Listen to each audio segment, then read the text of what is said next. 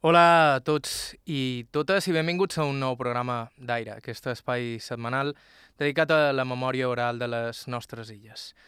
Avui la memòria oral i viva d'un punt molt concret de la nostra geografia, la del barri de Sa Calatrava, a Palma. Un barri que avui en dia està sent colonitzat per hotels, però que un temps era un conjunt de carrers populars, molt poblats i idiosincràtics. Allà es va criar, i de fet allà l'entrevistam, el nostre protagonista d'avui, Antoni Roger, un personatge peculiaríssim. M'agrada pensar en ell com en una mena de secretari de la contracultura de Palma. Una peça imprescindible en molts dels moviments veïnals, associatius i culturals dels anys de la transició al centre de ciutat, encara que sovint ell no fos el protagonista – i això que, com deia, sense ell no haguessin passat moltes coses de les que varen passar. Ha estat curiós, vull dir, un poc per la meva manera, eh, jo feia les coses com de menjar, però va passar que tothom sabia que darrere, tant això com més coses de la xoctava, d'aquí d'allà, que ja hi era. Eh? I és curiós que després de molts anys de, de si hi ha volgut per qualque cosa, o que han fet i o que no han fet, jo estava un cop, cop piu, la gent s'ha anat recordant d'això. Però per això han hagut de passar uns quants anys. Durant molt de temps, Antoni Roger va ser una figura oblidada per les institucions, tot i el seu paper en esdeveniments tan importants com les festes de Sa Calatrava o la recuperació de la Rua i la creació de Sa Rueta. Avui en dia, dos dels esdeveniments populars més importants dins el calendari de la ciutat. I bé, tot això va sorgir d'aquell grupet d'instigadors, molts sorgits d'un grapat de carrerons estrets aferrats al baluart del príncep. I sempre que hi havia acció hi era Antoni, encara que el seu paper fos secundari, segons ell, el d'un possibilitador. Jo, encara que ara per, aquí, per les coses que he fet, el que diuen que he fet, som introvertit, però a vegades faig sortides així, que potser això és fruit dels mateix complets o, o, o d'avorriment, o no sé què vol que digui. Eh? Però faig coses així. Me diuen, valen ser llibertador, no, possibilitador, entens? Però tota gesta necessita un possibilitador. On seríem sense els possibilitadors? En el programa d'avui retrem homenatge a un personatge incomparable, una peça essencial de la contracultura de Palma en els anys 60 70 i 80. Estau escoltant d'aire a IB3 Ràdio, us parla Joan Cabot. Començam.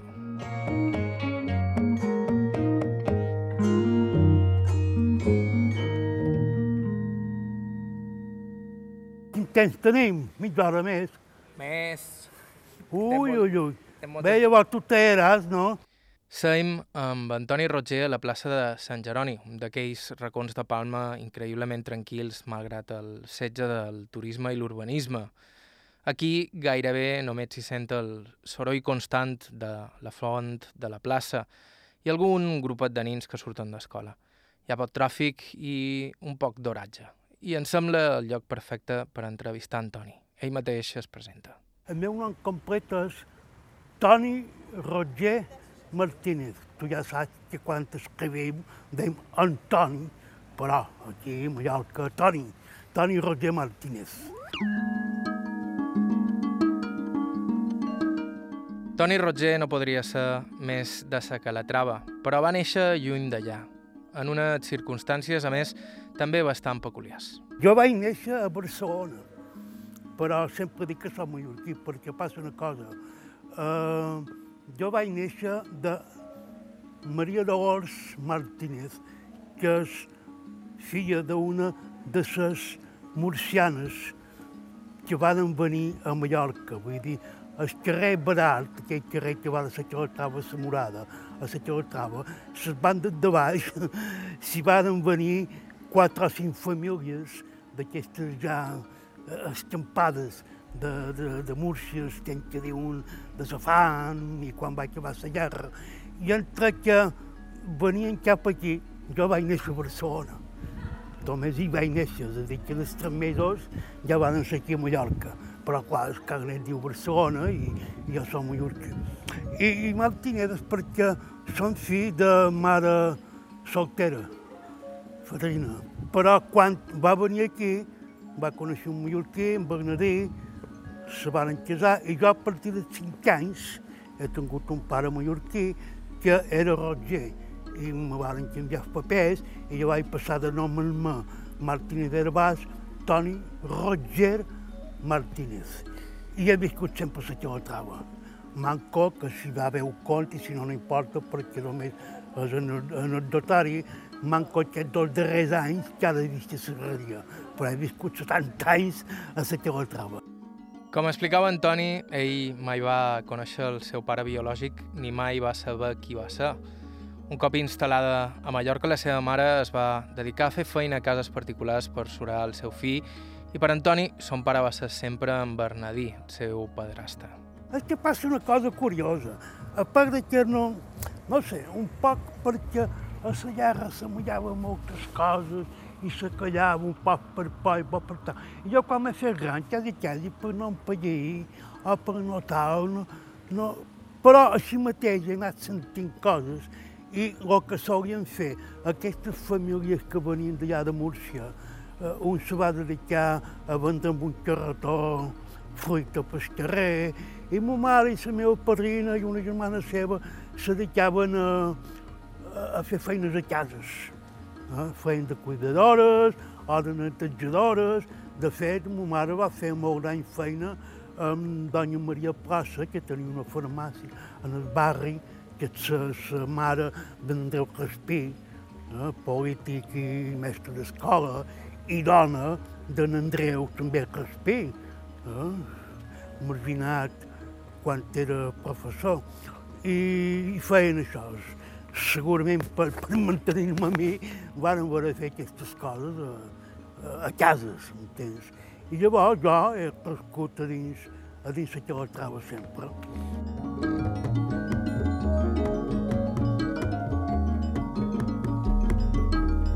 tenc els meus traumes, eh, vull dir, I, però no he tingut temps d'investigar i d'anar, però diuen que vaig néixer en el carrer Conde de Salto, que sembla que en aquell moment era el carrer com aquí a Santanyí de les putes. I, i, i llavors hi ha hagut reformes, i jo de Rafal, Raval, no sé què, i tal. I jo vaig néixer per aquella zona. Allà eh, hi vivien les putes o vivia gent que no sabia on col·locar-se i ja t'he dit, no he sabut el meu pare biològic, però és igual, ja he conegut aquest, aquest Bernadí, una persona molt guapa, eh, me va estimar molt. El que passa que també ho vaig disfrutar poc temps. Justament va morir als 40 i pico quan jo en tenia 20. És a dir, quan jo estava, eh, que se diu, en cartera, que l'Ajuntament me cridava per veure si feia la mil o no, de 9 o 20 anys, Mon pare va morir d'un atac al cor. Vaig dir, ei, són fi de viure. I jo no vaig fer la mil. Però vull dir que llavors que era mon pare, ma, quedat que pica per ell, forner, era un gran pesqueró, perquè abans eh, la mà arribava fins a, a prop de, de la morada, i allà els veïnats tiraven canya i pescaven. I llavors jo tinc una cosa curiosa, que no sé si me, se me nota en so, en so xerrar, però, perquè, perquè ja han passat molts anys, però entre que mon pare preuava malament, allò que diu que parla malament, i llavors que dels amics que tenien al barri en tenia un que feia CR, encara hi ha qualque que me diu, què ets de solla, tu? M'ha quedat alguna cosa d'aquesta, vull dir, no sé com sonarà ara, però sí. I, i mon pare ho vaig tenir com aquell que diu 15 anys. Això és història de cadascú.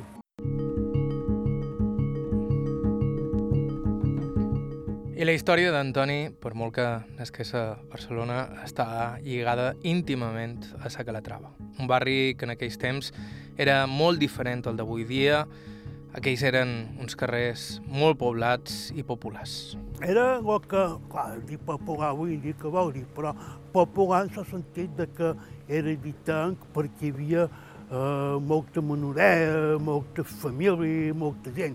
És a dir, si parlam de que vaig néixer el 43 i quan jo estava a la Calatrava eren final dels 50 i 50, jo record haver anat el carrer de Sants hi havia una escolta, que era com una guarderia.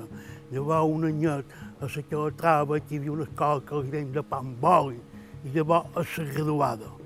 Però, clar, eh, als anys 60, eh, la Calatrava hi havia molta, molts habitants, moltes famílies, quatre o cinc fills i, i, i molta menoreta. Figura't si hi havia quantitat de lots que d'un sol carrer eres capaç de muntar un equip de futbol, perquè tenia l'esplanada de la Morada, jugàvem allà.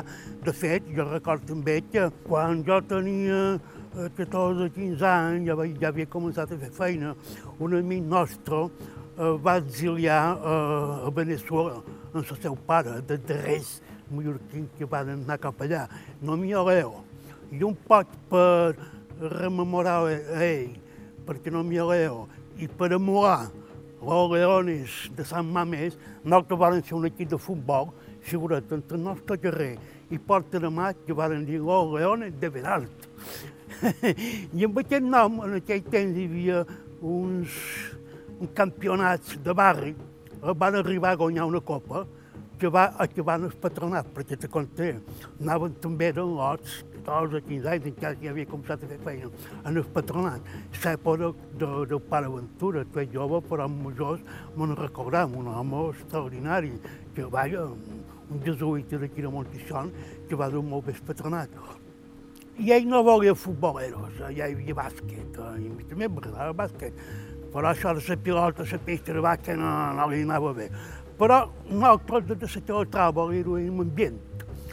I, I jo, que no són que de referir ni ser massa, a l'escola graduada, darrer any que havia arribat a les classes superiors, vaig aprendre a jugar escacs. I el pare Ventura era un famós jugador d'escacs.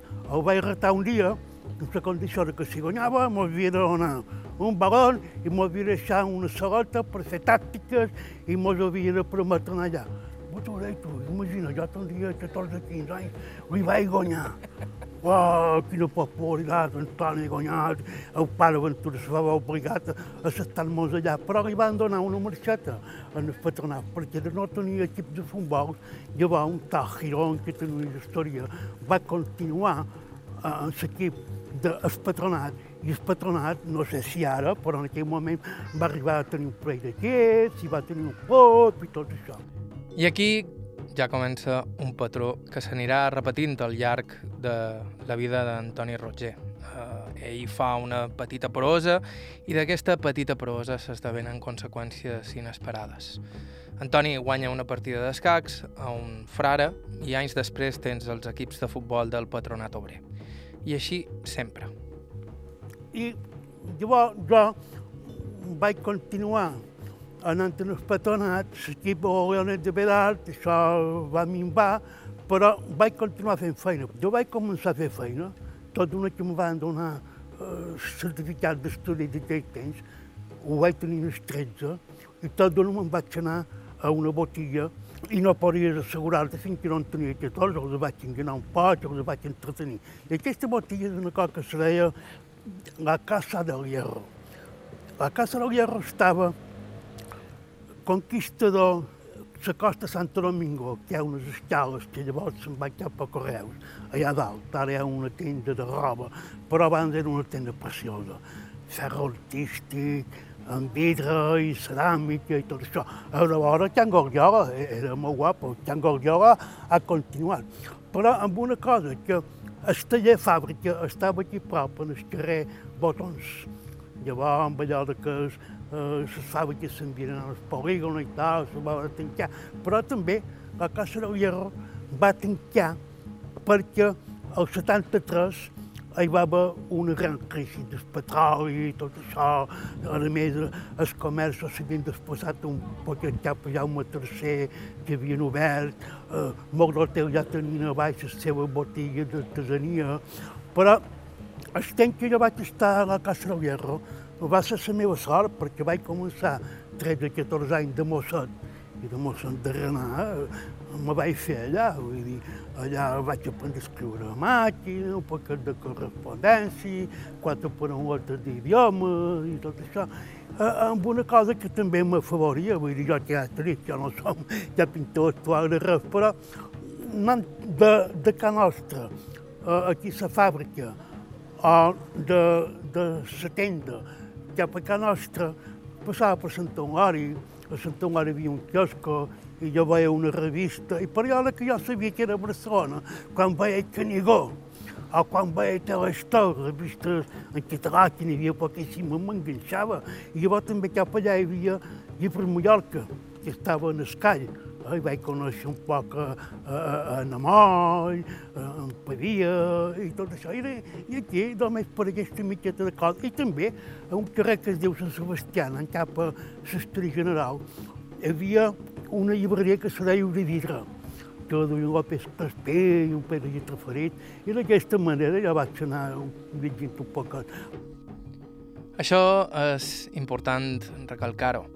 No hi havia molta distància física entre la Calatrava i Cort.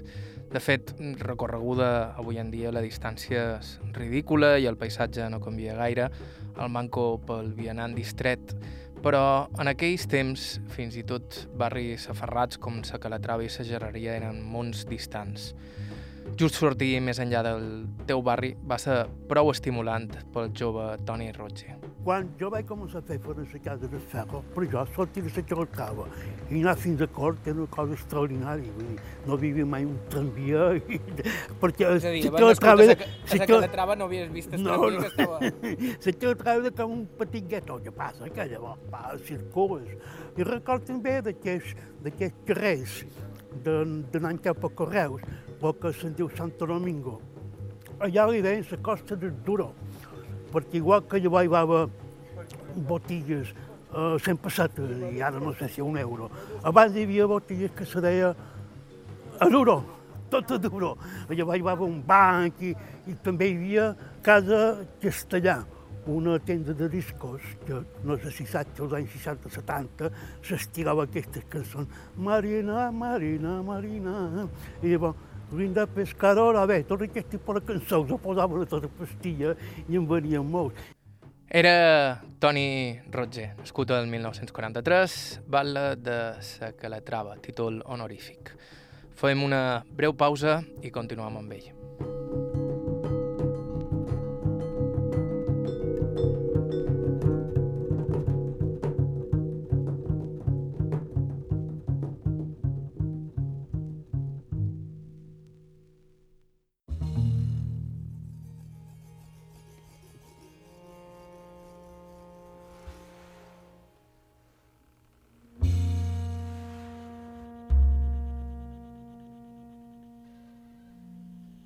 De nou, estàu escoltant Aire a IB3 Ràdio. En el programa d'avui som per la Calatrava, a Palma. Un barri a tocar de mà, en ple casc antic, que en els darrers anys, com tot el casc, ha sofert fortament la pressió del turisme i dels pisos turístics, però que durant unes dècades va ser l'epicentre de bona part de la contracultura palmesana. I un dels culpables que fos així va ser el nostre protagonista, Toni Roger, qui fa una estona ens explicava els seus orígens. Ara toca escoltar-lo parlant de com va passar d'una cosa a l'altra i va començar a relacionar-se amb el micromón cultural de ciutats. Sobretot en els darrers anys del franquisme, quan començava a traspoar certa ànsia per recuperar els carrers. Unes ànsies que varen ser el que va donar ales a les històriques festes de sa Calatrava.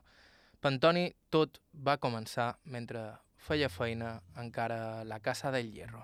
Però com te deia, jo a la Casa del Hierro m'ho va anar molt bé perquè de mostres que vaig començar vaig arribar a llevar un poc, a un poc l'administració, eh, llavors també la banda d'exportació perquè venia molt de compradors de fora, Messis, dels Estats Units, eh, gran magatzem del Japó i me feien gran, gran comanda. I jo vaig estar controlant una mica tot, tot això. I jo he viscut aquesta època de 60, 70, però com t'he dit, d'aquí al 73 hi va haver aquesta eh, crisi i, i allò va anar menys, jo ja m'avorria un poc de que veia que allò se com acabava i vaig acabar anant antigament mitja jornada a fer feina allà. I vaig demanar un permís per anar-hi menys, i me vaig emportar una cosa. Ja havia dit en el diari que Obra Cultural Balear, que dèiem de la seva, se volia obrir a la ciutadania. I allà, mira, hi vaig anar a oferir-me, figura, només hi vaig anar jo. només hi vaig anar jo i hi vaig enginxar tot d'una, perquè vaig passar a ajudant del secretari d'allà, perquè quan hi havia junta, el secretari era eh, Francesc Moll, sí, eh? i jo vaig havia en Pau Mateu, un mestre d'escola extraordinari.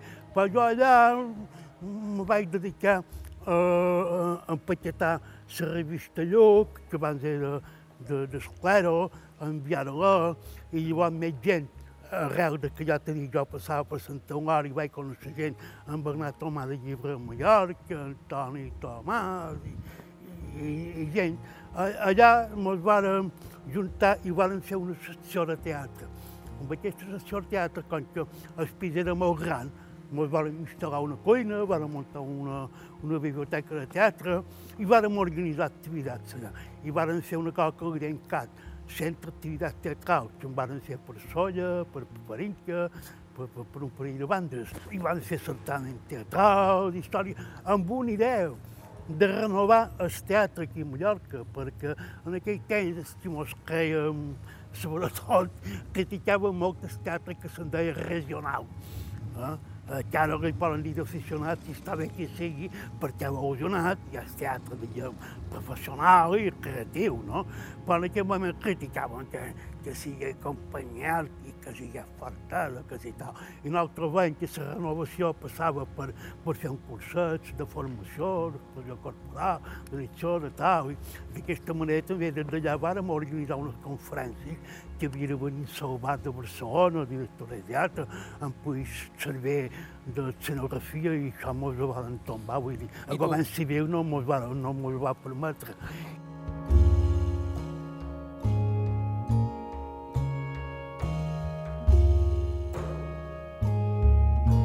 Paral·lel en això de la Casa del Hierro i Patronat i tal. Jo amb uns amics que dibuixaven i feien mostradors a primavera, allà de vora del mercat i tot això. Jo amb ell també dibuixava una miqueta. I què sé jo, allò de que ens estimàvem més en comptes de fumar, mà ocupada amb un llapis i fèiem eh, cosetes i dibuixàvem i tal. I jo vaig tot recaure d'aquelles festes festes de la Calatrava que havien anat de client i feia 20 anys que no se feien, però ja alhora ja eren ben bé, sí, podem fer-ho i tal. I xerrant, xerrant, i jo havia començat també a col·laborar amb Baba Cultural Balear, i, i ells ho podien fer, els ho podien tornar a fer. I el meu amic, que dibuixa molt bé, va fer un cartell que pels anys que se va fer, i des d'un barri és una icona fantàstica, que és una colla de xeramiers, festa de la Teotrava en 1976. Aquell era un petit grupet de joves amb ganes de moure festa. La idea era senzilla, fer unes festes de barri, populars, però no folclòriques. Ja n'hi havia prou de rebosillos. I tot s'ajuntava. Franco havia mort un any abans, però el franquisme encara era les institucions i els corters. I a davant hi eren ells, amb els moviments per la defensa de la llibertat d'expressió, la reivindicació lingüística i per la protecció de la dragonera. Acabava de néixer la contracultura Palma. Això era eh, en Déu Melià, dissenyador, eh, en Joan Mat Gómez, que era un gran dibuixant i, i va assistir en jo, varen fer que la trava història, un còmic que va fer -ho. I va passar una cosa, que eh, eh, nosaltres, que psiquiatria, jo parlava cultura balear aquí i allà, fèiem un poc de disseny i escaparatisme. En aquell moment van muntar una tenda en el carrer sindicat que se Bandido, i van crear un personatge amb un bigotis. I aquesta botiga, aquesta tenda, era dels germans Mercadal, que tenien diverses tendes de roba. I jo sabia que ell havia comprat la fàbrica. La fàbrica és que, a part de que els tallers que hi havia de doberies i treballadors de pes i tal, que jo no he conegut antic antic. Hi havia la fàbrica que estava al final del carrer Brat, que això ja no era cap doberia, era una fàbrica que feia estores i, i feia toles i tot això. I allò s'havia tancat i van dir, eh, nosaltres volem fer unes festes en el barri, mos podria deixar aquest, aquesta fàbrica que no, no, no fa res. I ell estava content de les feines que li fèiem, unes camisetes estampades, xiuretes, als anys 70, fer serigrafia, que aquesta serigrafia va servir també quan van fer festes, no tenien pressupost i venien bosses i tal qual. Bé, doncs va deixar la fàbrica i això va ser una explosió, perquè aquella fàbrica va servir, va servir de cau per nosaltres organitzar coses i posteriorment, quan van començar a fer les festes, llavors va haver història, vull dir, la campanya de llibertat d'expressió, quan la de bo deia Batjolat, eh, Dragonera Lliure, que encara que eh, allà dalt eh, allò Parcat fos el centre, nosaltres també tenim que veure, perquè allà s'hi feien pancartes i va partir amb, amb manifestació i tot això. I doncs resulta que aquest any que te conta, que en són meus amics, dissenyàvem i tal, vàrem entrar a la fàbrica, va ser una ocupació consentida i allà va començar tot, perquè quan van dir de fer unes festes, nosaltres van trencar una miqueta la festa, diguem, ja darrerament, que no tenia sentit, o oh, el folclore que s'havia arribat a fer en els pagesets i pagesetes anant a, a, a rebre els turistes. No, nosaltres vàrem eh, treure aquesta història, fent-la popular, fent-la del poble, vàrem, com aquell que diu, reviscolar la xeremia, perquè hi havia molt pocs xeremiers d'aquí, perquè jo estic orgullós d'una cosa, de les festes de la Calatrava, i posteriorment es fa a carrers, ha quedat Xermeres que el troba, Pet, el meu fiol, amb en Pet Toni. Ha quedat na Maria Antònia Oliver, que fa dansa, Miquel Àngel, jo no vull, eh, na Pili Jimeno de Sorris Amèrica i, i quantitat de persones així. Molts d'ells encara en actiu i amb un llarg recorregut dins la cultura palma.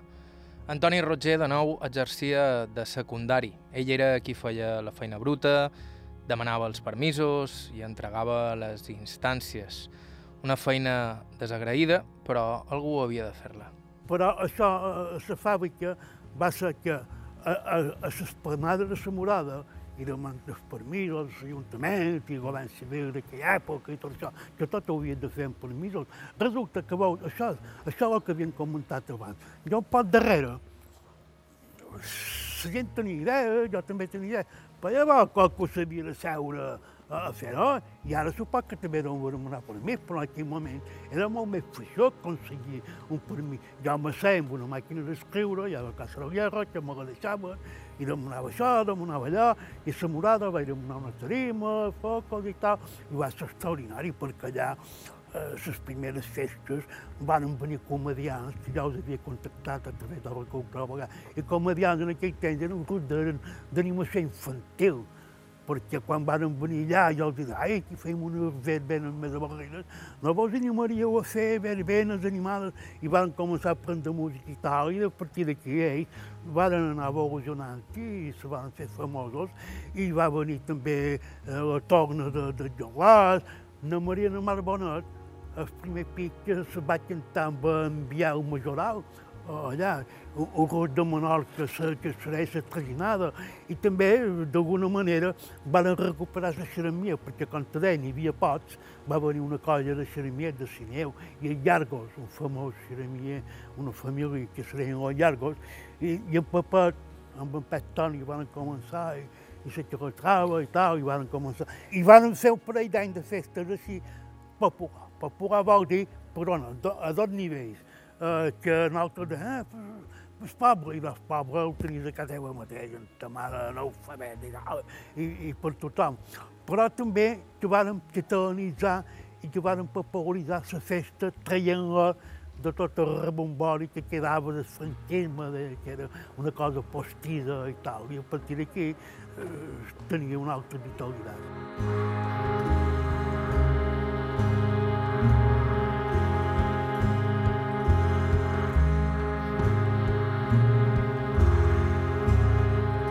Te conto el 76 i qualcú te pot dir, eh, el 76, en Franco ja era mort, alerta.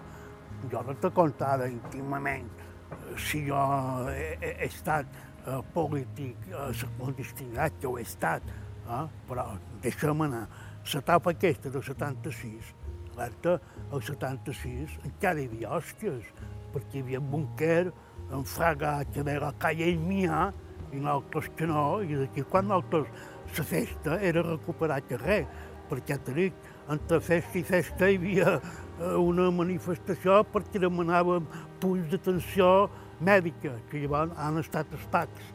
La campanya Llibertat d'Expressió que sortíem al carrer i, i, i, i, i darrere la seu hi havia hòsties, m'entens? I, tot, i, i Dragonera també, Dragonera va durar un capat d'any, fins i tot una altra etapa, quan vàrem deixar la fàbrica i passàrem a, a les voltes, allà varen construir un drac que va servir també, vull dir, per, per, per les manifestacions que fèiem. I l'altre, vull dir, el 76 i figurar, i, i fins al 78 79 i, hi havia el búnquer i, i tot estava molt controlat i estic per aquí per allà, vull dir, tenia el seu mèrit tot el que fèiem. Un mèrit, t'ho dic entre cometes, ho dic ara, perquè t'ho dic, ja està molt d'any, cap pil, que sigui que no, hi han hagut de venir historiadors i, i antropòlegs a demanar coses i diu, ah, això que fer-ho, importantíssim, però clar, després de 30-40 anys, allà que nosaltres fèiem així, tenia la seva importància històrica, m'entenc què vull dir. Per aquells anys, la Calatrava ja havia començat a transformar-se. Molts dels seus habitants tradicionals havien començat a fugir de les estretors del centre per instal·lar-se a l'Eixample de Palma, més enllà de les avingudes. I al barri començaren a instal·lar-s'hi artistes i bohemis, gent com Miquel Barceló, que hi trobaven lloguers barats i sobretot un ambient estimulant. Eh, jo t'he contat en el principi que era un barri popular, en el sentit que hi havia molt d'habitatge, molt de tal, però llavors, als 78, quan feien festes, el barri havia, havia minvat molt, molta gent, ja s'havia anat a fora del barri perquè pareixia que era més modern anar a les avingudes o, o perquè les cases no s'arreglaven i els propietaris no ho feien i tal qual. Però durant les festes i tota la moguda que hi va haver, era com a fer festa però reivindicar una miqueta la vitalitat d'una zona que havia estat. I clar, jo eh, en aquella època record i estic content d'haver conegut gent com per, gent que ha col·laborat, vull dir, perquè per que jo ara m'estic posant medalles sense boles en el seu moment, però que he conegut gent important que o bé ells col·laboraven o bé han circulat entre nosaltres, Miquel Barceló, hi havia altres pintors com Horacio Sapere, dibuixants quan posteriorment ja feu l'ovativa com en Jaume Ramis, Tatum, totes aquestes persones han circulat per la Caltrava i han fet... I aquí mateix, on està, llavors, els anys ja quasi 80 en Miró amb una companyia que se deia Placa de Barcelona van fer Mort al Merma amb unes figures de drap que circulaven per aquí. Tot això està filmat amb en Joan Ramon Bonet, perquè en Joan Ramon Bonet és, és el germà d'Anna Maria Gomar Bonet, perquè la música també sap que ell va estar cantant també i pescador abans de, de fer de fotogràfic i tot això. I el barri bullia amb tota aquesta gent que eh, no vull dir que, que ho fessin perquè anéssim al barri, sinó per, per reclamar una miqueta que passava en el barri, que queia, que s'havia de rehabilitar, i això va tenir la conseqüència que en el final el poder se'n va donar compte de que això s'havia de robar i quan hi va haver una campanya de que eh, a Europa parlava de revitalitzar barris antics, se va presentar un projecte de rehabilitació de la Calatrava, primerament, la lluita urbanística va estar en el Puig de Sant Pere. Però va passar aquí a la Calatrava, se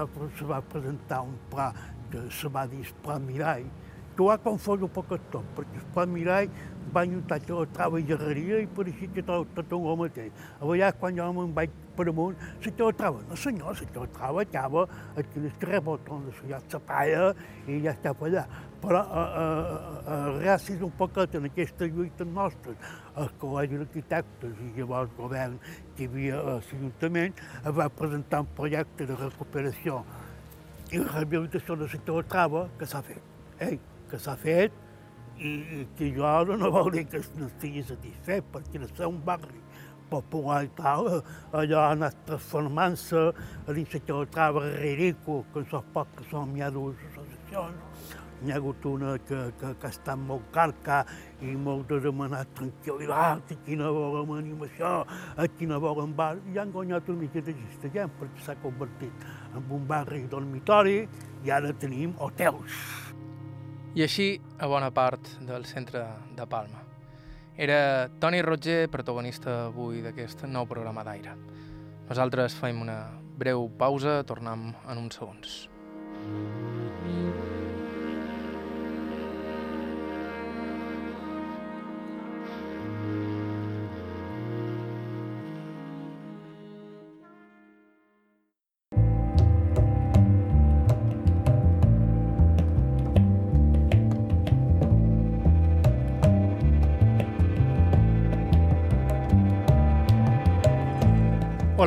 això és IB3 Ràdio, estàu escoltant Aire, avui amb un programa centrat a Sa Calatrava i sobretot en els anys en què Sa Calatrava era l'epicentre de la contracultura, ciutat i per extensió tota Mallorca.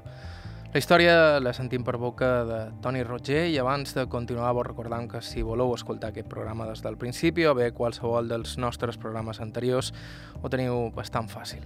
Teniu tot l'arxiu del programa a ib3alacarta.com i també vos podeu subscriure al nostre podcast a qualsevol dels serveis a l'abast per fer-ho. Nosaltres ja hem sentit la història de les festes de Sa Calatrava, unes festes històriques que es convertirien en el motllo per a les festes populars durant la transició, però d'aquells mateixos carrers del centre sorgiria una altra iniciativa que tindria una transcendència que encara perdura avui dia, la Rua i la Rueta. Com no, Toni Roger era per allà darrere tramant. Tota és la seva història. Resulta que uh, un moment donat els propietaris de la fàbrica me diu ei, sortiu perquè ara jo aquí vull fer-hi cosa. Ah, i, I cosa vol dir construir una finqueta que han fet, i han fet un carret per la morada, i, i jo en aquell moment vaig dir, ostres, nosaltres volíem, perquè jo també tenia la idea de que no pot ser que perquè Palma estigui animada hagi de ser només per quan la que troba fa Sant Cristòfol, perquè en aquell moment no hi havia res, i ara pot haver-hi festes a molt de vaques, però en aquell moment no, no n'hi havia. No pot ser, i, i, i clar, hi volien fer festes eh, en més moments, i sortides, i, i, i Sant Sebastià, i això i allò. I en aquell moment que nosaltres estàvem vitants, eh, m'ho diuen de que de sortir d'allà. I jo havia llegit que els militars havien deixat les bòvedes, que molt de, de mallorquins havien fet la milla allà. I em vaig anar a l'Ajuntament, que, que acabaven d'entrar els socialistes i en Joan Nadal no sabia que li xerrava, però diu, ja, me van donar la clau i mos instal·laren a les voltes. Dic les voltes perquè per llevar-li la connotació militar i van veure que bove del castellanisme, li van dir voltes, i mos instal·làrem allà. Estava fet pous, però ho van fer una miqueta, i quan que hi havia diferents voltes, nosaltres vam continuar fent feina allà, i van deixar espais de músics, i va venir més gent, però eh, també va passar una cosa. I van començar grups històrics, com Fornistany, crec que... Sí, sí, sí, sí. Era clar, assetjava allà. Te diré, te diré. Resulta que nosaltres, amb el plantejament de que dèiem, bueno, ja hi ha l'associació veïnat, que ja farà les festes, nosaltres venim aquí, i a poc a poc, havent d'organitzar, vam anar aprenent coses. En unes les xanxes, aquell tocar la xeremia, aquell altre fer de pallasso, i me van convertir en grup d'animació. Grup d'animació vol dir que sortíem a fer sarau per carrers i, i combinant pobles amb intercanvi. Vosaltres mos envieu la banda de música i nosaltres venim a fer pum, pum, pum, pum. I eh, la fàbrica, vull dir, les voltes va servir per tot això. I també per, per poder mantenir eh, l'estimada nostra, allà hi participaven grups eh, desinteressadament i feien verbenes eh, d'hora baixes i vespres. I el que deies tu, allà va circular Fonistany. Eh, impossible. Sí, Bueno, l'europeu era impossible ja va ser nacional, perquè després d'haver estat 3 o 4 anys allà, també me van dir, ei, sortiu per cada aquí ha d'haver unes arquitectes i hem de fer rehabilitació. Però el darrer que se va fer allà va ser el que se deia sindicat de dissenyadores, no? un grup així un poquet entregat i, i creatiu i tot això, van demanar molts per fer-hi una festa. I van fer una festa allà que eh, van cantar eh, Rossi de Palma, Antoni Socias i diversa gent que, que bueno, de cantar un dia. Però així mateix van entrar una cançó que era molt divertida, que serà eh, jo vull un pagès amb motorina que en sàpiga follar molt bé. I aquí va néixer Peor Impossible. Eh? Darrer, I dins la revista normativa que jo vaig fer posteriorment hi ha un article que conta això que és en Miau Mesquida. Ho va firmar en pseudònim, però ho firmé. Però, com te deia, les festes que fèiem els vespres a les voltes per mantenir-nos i tot això, també va passar que, paral·lel a això, jo tenia una miqueta d'oficinita eh, en el de la Paia. Per espai vaig agafar un local allà a Planta Baixa, que llavors me va servir amb una copiadora per fer quatre feinetes i tot això. Però en aquell moment van dir, bueno, el curs d'animació, se tractava molt bé, però què més poden fer que se'n del barri. I van dir, eh, Carnaval, uh, Carnaval, també ho havia prohibit en Franco, sempre la culpa d'en Franco. Eh? I, i, i, i dèiem, i què era el carnaval? I el carnaval aquí era la rua. Van començar a investigar, rua consistia en fer voltes per vol, hi havia comparses i, i assaltos a cases perquè te convidassin, i, i van fer això, van dir, era, foren rua. En aquell primer any, cap carter, cap publicitat de res, sortíem cada dia de les voltes de xanxes aquí allà, amb pamfletots. Eh, tothom una bona que hem de fer la I el 79 van fer la Rona Bon i va tenir èxit de, de convocatòria que van poder.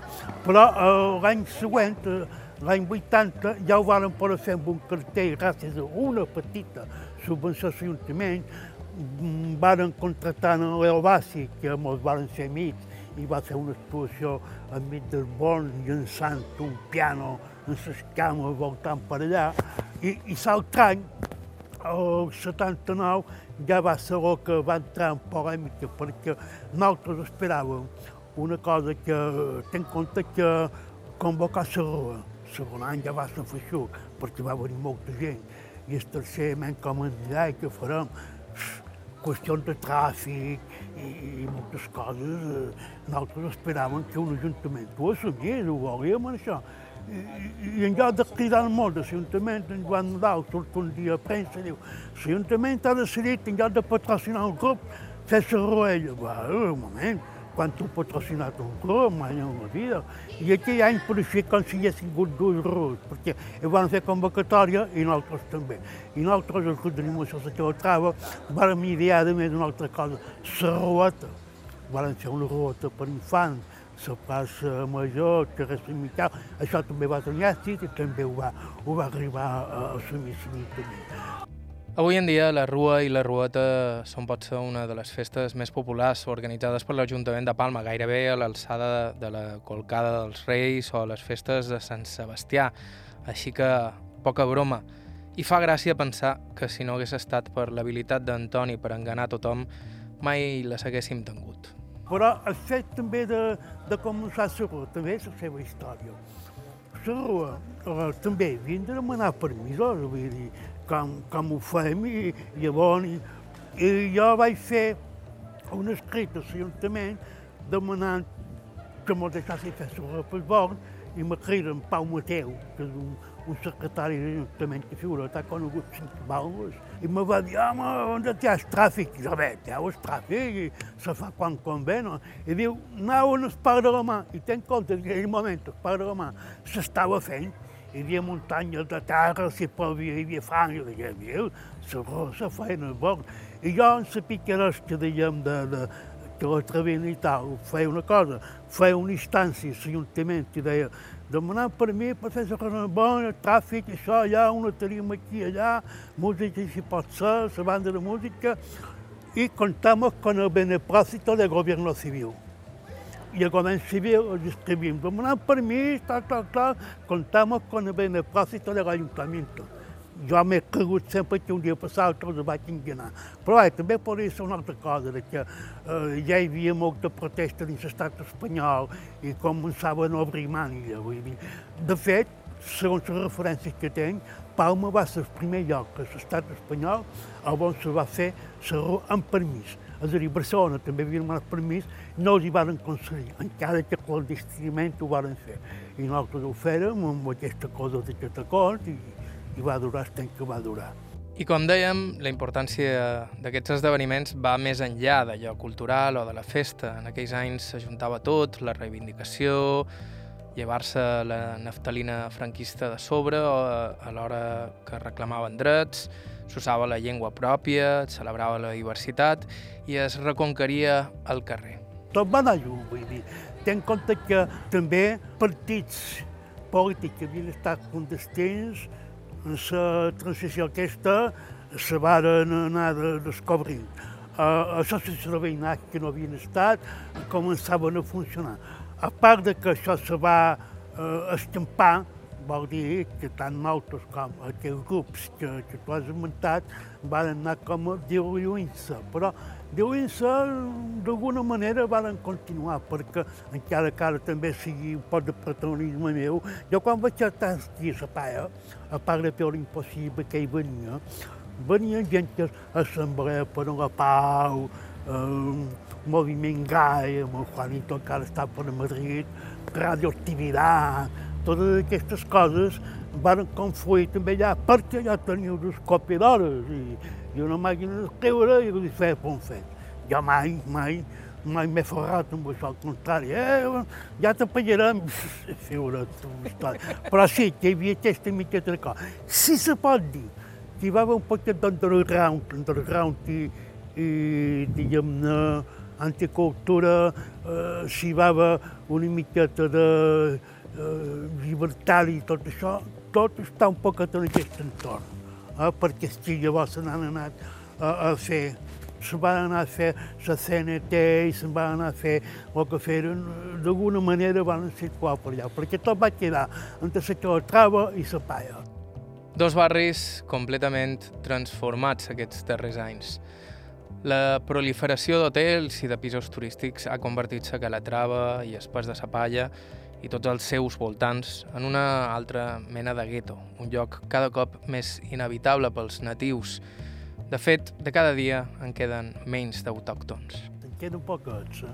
Urbanísticament eh, és una altra història. Vull dir, eh, tot això va anar de client i el que t'he dit.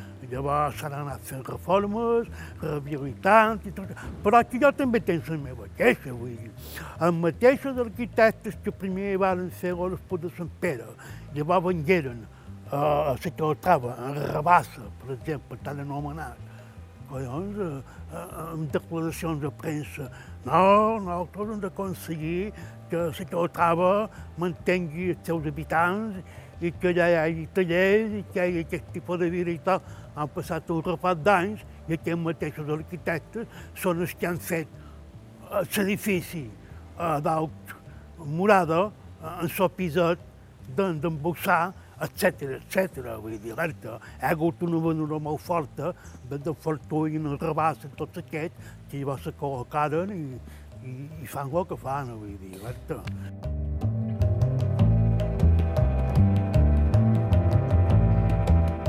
alerta. A Sa Calatrava, de fet, ja no hi queda ni Antoni Rotger, que era gairebé part del seu paisatge, algú tan orgullós del barri que tot el que ha fet al llarg de la seva vida ha estat a major glòria dels carrers on va créixer. Hi han hagut de passar anys abans que ningú recordés tot el que havia fet aquest home per Palma. Ha, ha estat curiós, vull dir, un poc per la meva manera, eh, jo feia les coses com a de mullar, però va passar que tothom sabia que darrere tant això com més coses de la xoctava, d'aquí i d'allà, que ja hi era. Eh? I és curiós que després de molts anys de, de si hi ha volgut per qualque cosa, o que han fet i o que no han fet, jo estava un cop, cop piu, la gent s'ha anat recordant d'això. I hi ha hagut sempre qualque historiador, qualque, qualque que necessita fer un treball, que ha volgut fer un llibre, i m'han volgut demanar informació, i jo com que he tingut memòria i he guardat paper el dia passat, I, i jo, de passada que molt d'amics, de ser jo, de López Raspí, eh, el meu mestre Bautxo, eh, per roig de l'última hora, en Prieto, tal, eh, el que has fet tu, la rua, això, allò, no te fan cas. Així, de cop i volta, també pot ser gràcies a un llibre que va sortir, que, que es Se que troba mon amor, que hi ha un capítol a mi.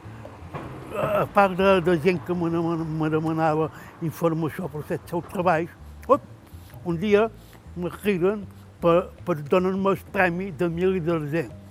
Jo tot no dic, hòstia, jo que sempre he anat un poc ajustat, mira i dic, hòstia, mil i d'argent, 5.000 euros de donació, però això era quan ho duia el PSOE a l'Ajuntament, quan va entrar el PP ho va llevar i aquest premi que me donaven a mi era Esquerra Unida, que havia agafat per continuar, però em van donar una placa de fusta. però no, però molt bé, molt bé, mi de tu, sí, ja, eh, I jo, quan no tenia res preparat, en lloc de fer un parlament, quan me van donar el premi i tal, vaig cantar i de entero, aquella cosa de, de, de, de, de Nespriu, eh? un, un poema de Nespriu que va cantar en Raimon. Jo vaig cantar, nosaltres sabíem d'un únic senyor i veiem com ell de venia agost, pum, pum, pum, pum, pum. Nosaltres sabíem d'un únic senyor i veiem com es devenia agost. Envilit pel ventre, per la falaca al ventre, per... I jo vam cridar per més coses. Jo vam cridar per fer el pregó de, de la nit de Sant Joan, eh, me cridaren per fer el pregó d'aquí de la Trava, he fet el pregó d'Orgull Llonguet, i llavors també, segurament perquè van llegir aquell llibre que t'he comentat, en Llorenç Carrió, que era de Cultura l'Ajuntament, me van també fer un petit homenatge a les primeres jornades de cultura popular que se van fer allà dalt a Santa Catalina i també m'ha donat una paqueta. I mira, amb això el que vull dir i amb ironia és que han llevat els arguments dels meus amics que eh, no te fan cas, que realment aquests darrers anys i la mira, m'han fet cas, però mira, ja està. I elevem en la nit un cant a crits, car les paraules veixen de sentit l'aigua... I fins aquí el programa d'avui. Moltíssimes gràcies a Toni Roger pel seu temps i paciència amb nosaltres i moltíssimes gràcies a Tomeu Canyelles, amic i historiador, per donar-nos l'idea d'entrevistar-lo. Us recordam que si ens voleu proposar alguna entrevista ho podeu fer enviant-nos un correu a aire.ivetresradio.com o deixant-nos un missatge al 971 13 99 31. Ens podeu seguir a Facebook i a Instagram i si vos voleu subscriure al podcast del programa ens trobareu a Apple Podcasts i demés serveis similars. L'arxiu complet del programa el teniu a ivetresalacarta.com. Bàrbara Ferrer a la producció executiva, Iker Hernández a la producció tècnica, vos ha parlat Joan Cabot. Fins la setmana que ve. Mai no hem pogut, però desesperar del vell vençut. I elevem en la nit un canta crits, car les paraules veixen de sentit. L'aigua a la terra, l'aire, el foc són seus. Si s'arrisca d'un cop a ser qui és, caldrà que digui de seguida prou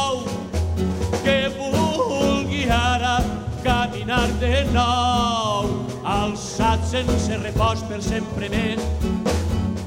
Home salvat en poble contra el vent, salvat en poble i a l'amo de tot, no gos més ell, sinó l'únic senyor.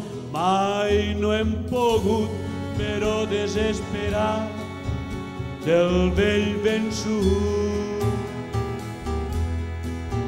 Mai no hem pogut, però desesperar del vell vençut.